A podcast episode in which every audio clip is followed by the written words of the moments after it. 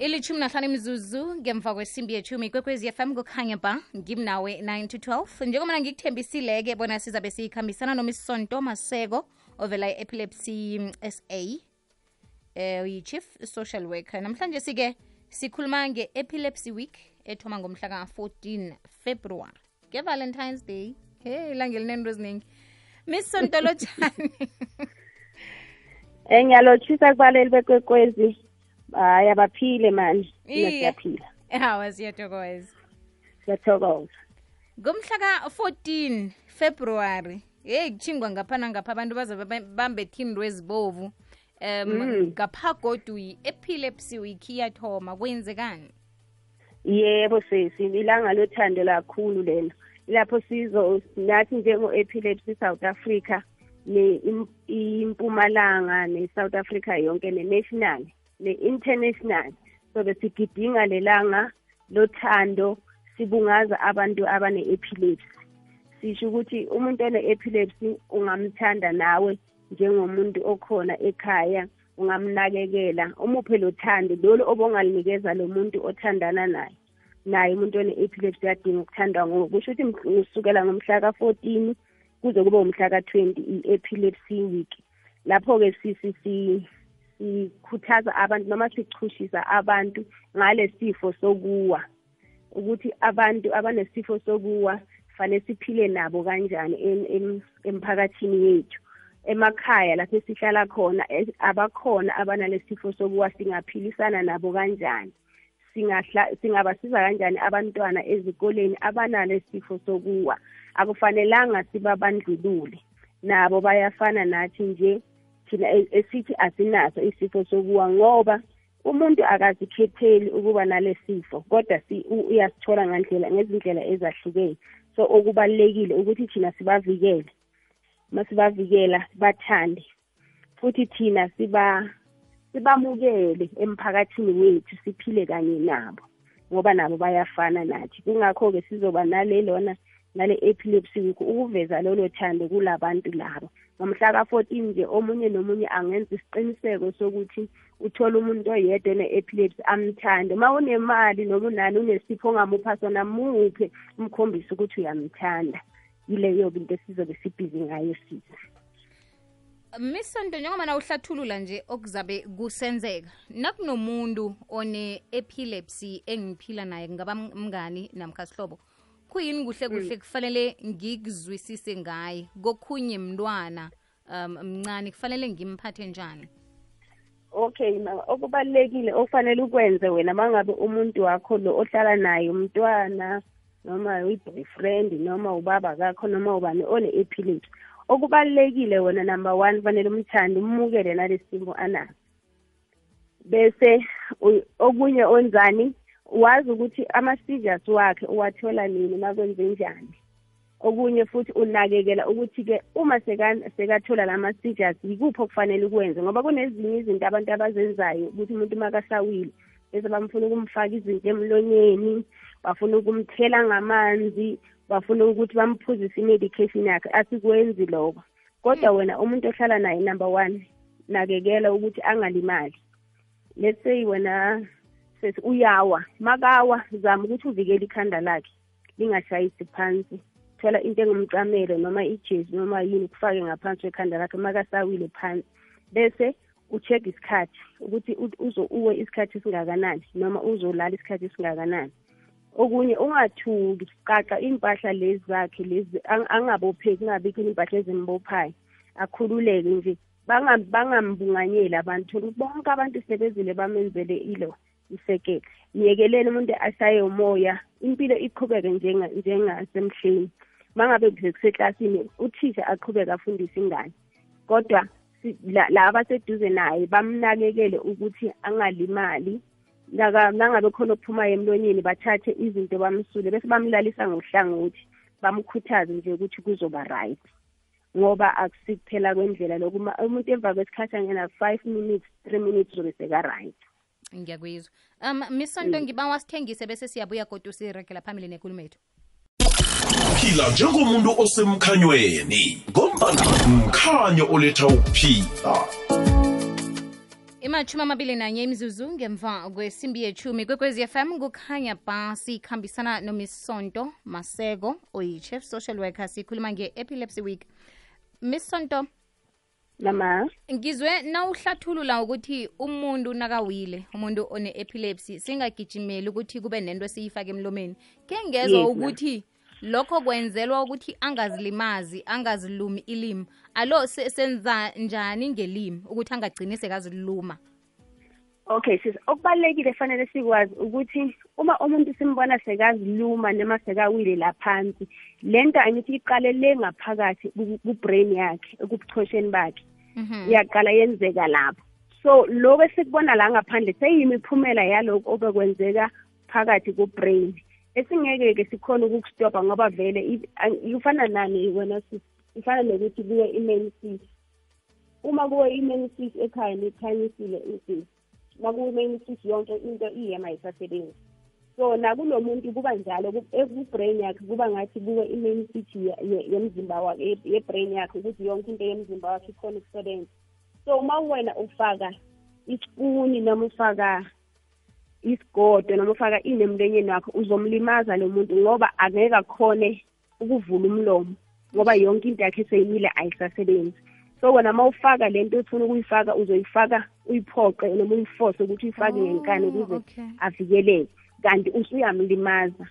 Amazinyo angalimala ulimi lingalimala noma eloneni u-throat yakhe angalimala. So kungakho kuthiwa ungamenzi lutho ngoba vele isystem yakhe seyi- seyivalile seyishuthe down.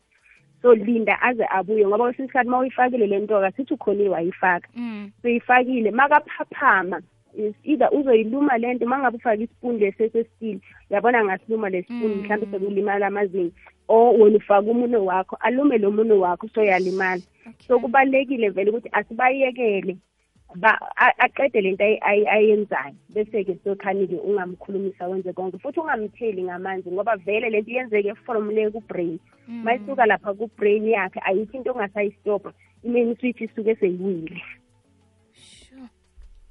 Okay. Um sinomlaleli engibawa sizwe bona uthini kwangambelethi.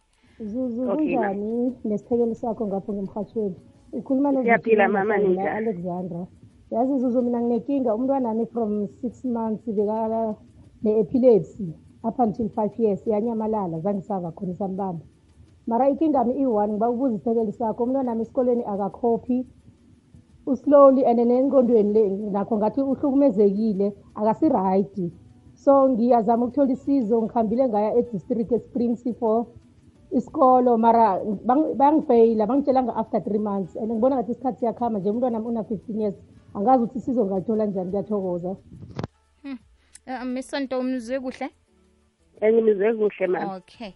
okay. Ngingaphendula ngithi? Iye ma siyabawa. Okay.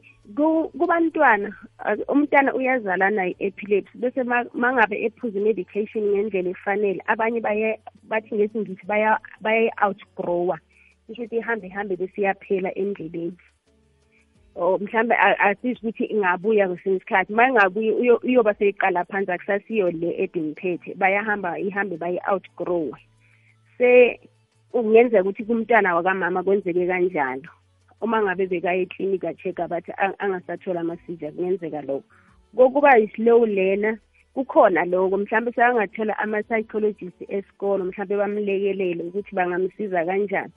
Nabo nasemakliniki ama-psychologist lawa bangawathola ukuthi bangamsiza kanjani. Angicabangi ukuthi kungahlangane kungahl- kuhlangene nako- nalo kwe-epilepsy kodwa nje sesingafuna angathola usizo ukuthi mhlawumbe kuma-psychologist esikoleni noma esibhedlela ukuthi bamsize bamcheckele lokho. Ngoba futhi enye indaba yesikolo kune-challenge yama-special schools angithi abanye abantwana bathi fanele baye kuma-special schools kodwa i-education ekufanele ikuphasise lokho mase bamcheckile umntwana.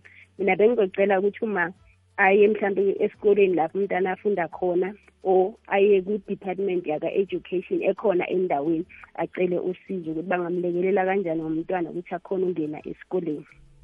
Kuyezwakala siyathokoza. Um sinomunye kodwa umbuzo ngiba wasiwulalele na? Eh sanibonani sanibonani um ekwekwezini. Eh umphikeleli futhi lo wasibanyoni bamazwe ngoJohn eh endaweni yasezonke izizwe kwamanje ngilaye Lotus Garden ebengicela ukubuza ukuthi eh lesifo lesi se-epilepsy lesi kuyisifo eh eh, eh, siyakhona mhlambe eh, ukulapheka or or mhlambe eh, yinto o- ozalwa nayo? Eh bengisacela nje ucaciseleka nje lapho siyabonga okay miss okay sandra. siyabonga bhuti. Eh i-epilepsy abanye bazalwa nayo abanye bayithola ngokuhamba kwendlela. Eh umuntu angayithola mhlawumbe umuntu uba involve uba uthole ingozi yemoto. Uthola ukuthi uyashayiseka ekhanda angayithola ngaleyo ndlela leyo. Umuntu ah, mhlawumbe bayuza izidakamizwa kakhulu angagcina umuntu agcine asene-epilepsy okunye ah mhlambe uku mhlambe during umuntu makazalwa umama makakhulelwe umntana uthi angatholi i-oxygen ekahle makangaphakathi kuma wakhe angathola ukuthi sebamthola ukuthi une-epilepsy.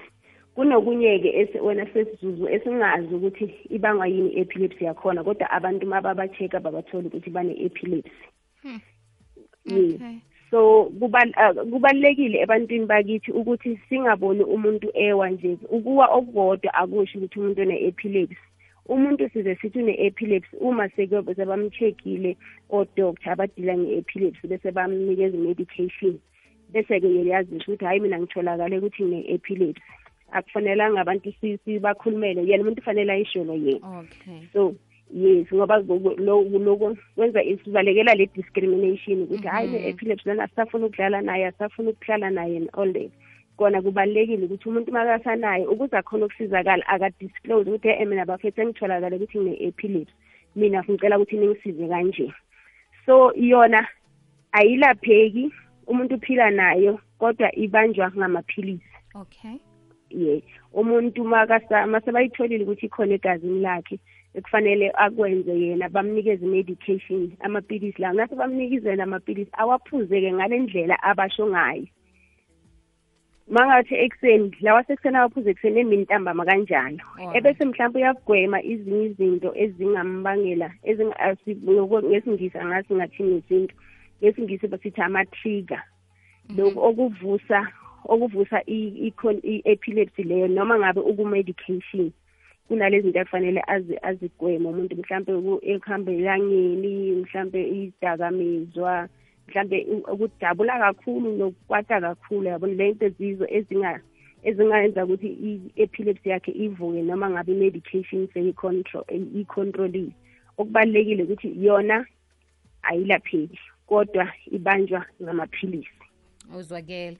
Miss santosi bawa inomboro lapho esinganithinda khona ngoba nakumbuzo yona isesemningi khulu.